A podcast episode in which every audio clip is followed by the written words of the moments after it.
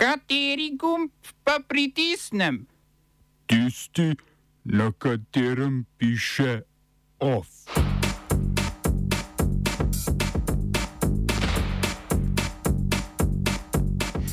Dobro jutro, pozdravljeni v današnjem OFU.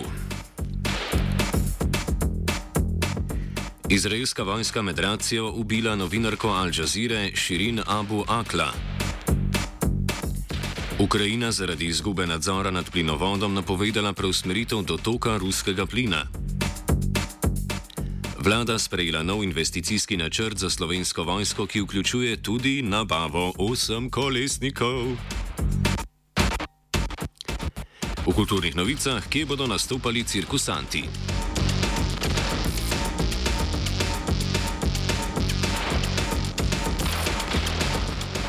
Ukrajinsko državno podjetje Naftogaz je napovedalo, da bo ustavilo dobavo ruskega plina po plinovodu iz smeri ruskega mesta Sohranovka, ki poteka čez okupirani Lugansk. Od plinovoda čez Sohranovko je odvisnih okoli 27 odstotkov evropske plinske oskrbe.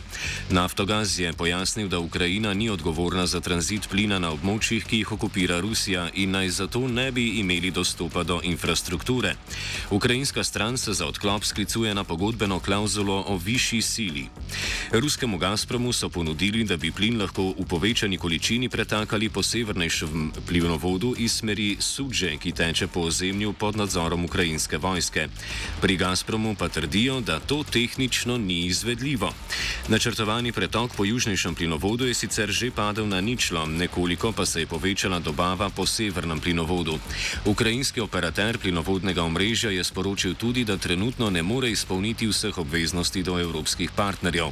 Kot razlog je navedel vmešavanje okupatorskih sil in nepooblaščeno oduzemanje plina iz dobav namenjenih v Evropo.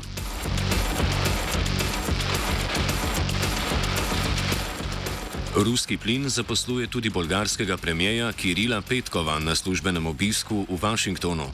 Petkov je po obisku povedal, da bo Bolgarijo od junija dalje s plinom oskrbovalo zaenkrat še neznano ameriško podjetje. Med obiskom se je premijer srečal z ameriško podpredsednico Kamalo Harris in ministrom za zunanje zadeve Antonijem Blinknom. Bolgarija je do zdaj iz Rusije dobavljala 90 odstotkov svojega plina, dokler ni prekinila poslovanja z Gazpromom, ker ni pristala na plačilo plina v Rubi rublih. Petkov je dodal, da vlada v Sofiji namerava večji del plinskega primankljaja uvoziti iz Azerbejdžana.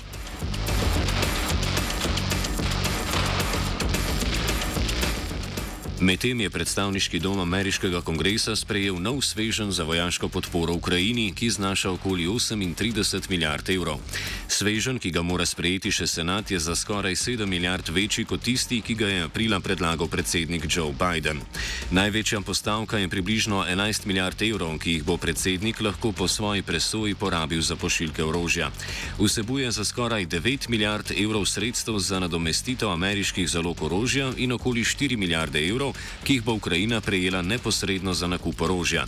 Poleg tega bo Ukrajina prejela dodatna sredstva za nakup hrane in zdravstvenih potrebščin v višini dobrih 3 milijard evrov. ZDA so do zdaj Ukrajini namenile okoli 4 milijarde evrov orožja.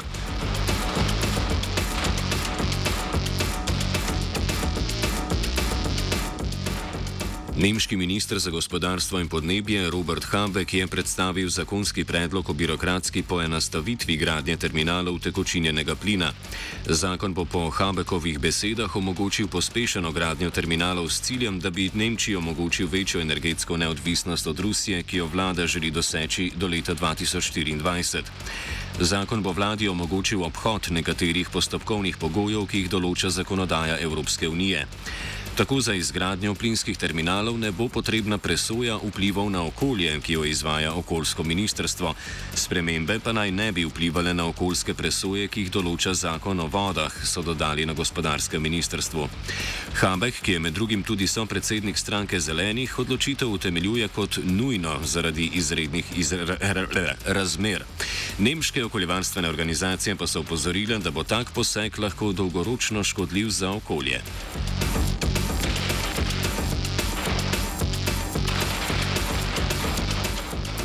Podobno kot v Berlinu razmišljajo tudi v New Delhiju, kjer je tamkajšnja vlada napovedala omilitev okoljske zakonodaje v zvezi z delovanjem in izkopavanjem premoga. Ministrstvo za okolje je pojasnilo, da bo Ministrstvo za premog dovolilo povečanje izkopa v premogovnikih. Indijski premogovniki bodo, ne da bi potrebovali dovoljenje okoliških skupnosti, smeli povečati izkop za 50 odstotkov in ne zgolj 40, kakor do sedaj. Vlada hkrati poskuša spodbuditi odprtje okoli 100 premogovnikov premogovnikov, ki so se že zaprli zaradi prejšnjih državnih kvot. Indijskemu energetskemu sektorju trenutno primankuje okoli 25 milijonov ton premoga. Povečano porabo v termoelektrarnah je povzročil vročinski val, zaradi česar se je povečala poraba elektrike, so pojasnili na Ministrstvu za premog. Vlada skuša spodbuditi izkop premoga zlasti v premogovnikih v lasti multinacionalk, kot sta Vedanta in Adani. Indija je močno odvisna od premoga, saj ta predstavlja kar dve tretjini energetskih virov.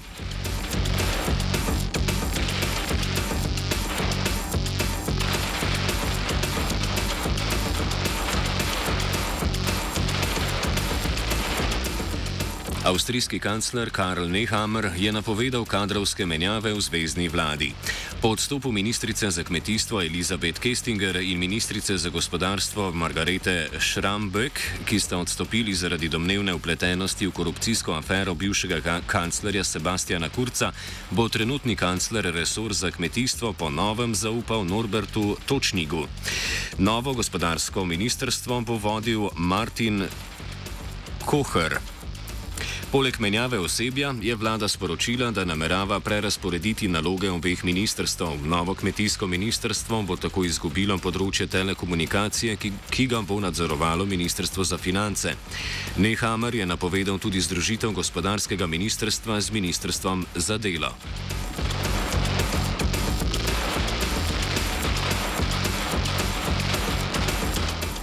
Izraelska vojska je med racijo v begunskem taborišču Dženin na okupiranem Zahodnem bregu ubila novinarko Širin Abu Akla, katarske medijske hiše Al Jazeera.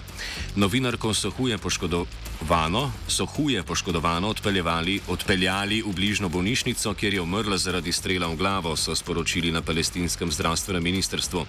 Med racijo je bil hujše poškodovan tudi producent Ali Al-Samudi, ki, ki pa je napad preživel. Pri Al Jazeeri so posredovanje izraelske vojske obsodili in dodali, da je bila novinarka kruto umorjena. Izraelske oblasti še niso komentirale dogodka, a je ministrstvo za obrambo napovedalo, da bodo dogodek preiskali. Izraelska vojska v zadnjih tednih na ozemlju Zahodnega brega povečano izvaja tako imenovane protiteroristične preiskave.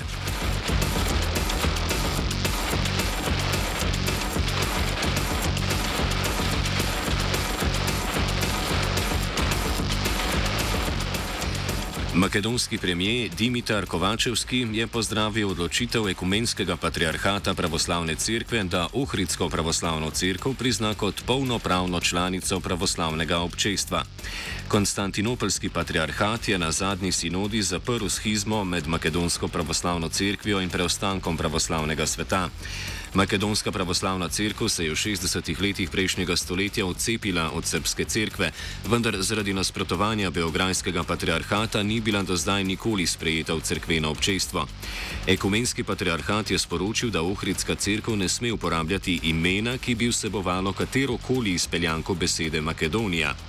Blagoslovu iz Konstantinopla nasprotujejo v Moskvi, kjer crkv še vedno priznavajo kot del srpske pravoslavne cerkve.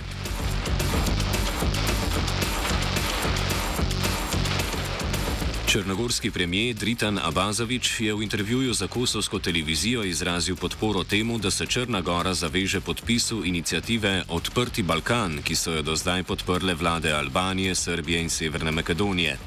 Inicijativa, ki je nastala leta 2019, je poziv k gospodarskemu in političnemu zbliževanju držav Balkana po vzoru šengenske cone Evropske unije.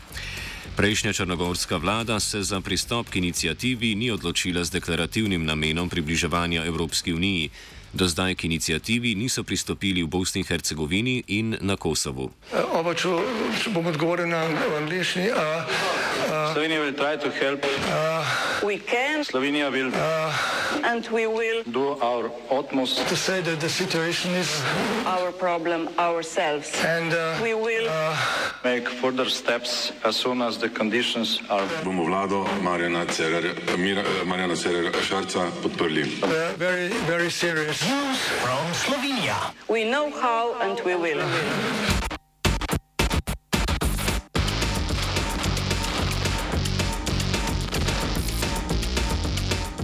Vlada je na dopisni seji sprejela letni investicijski načrt za financiranje slovenske vojske v letu 2022, ki bo znašal 120 milijonov evrov. Vlada je napovedala, da bodo investicije namenjene nakupu italijanskega transportnega letala Spartan in nakupu 45 nemških osemkolesnikov Boxer. Nakup osemkolesnikov bo predvidoma stal okoli 340 milijonov evrov in bo potekal postopoma. Poleg nakupa orožja pa Ministrstvo za obrambo napoveduje obnovo vojaškega vadbenega centra Poček in obnovo strelišča Bač pri postojni. Okrepitev so napovedali tudi za pripadnike specialnih sil, ki bodo prejeli novo streljno orožje.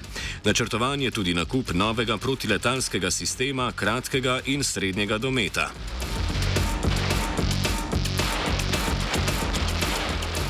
OF je pripravil vajenec Beno, mentoriral je Martin.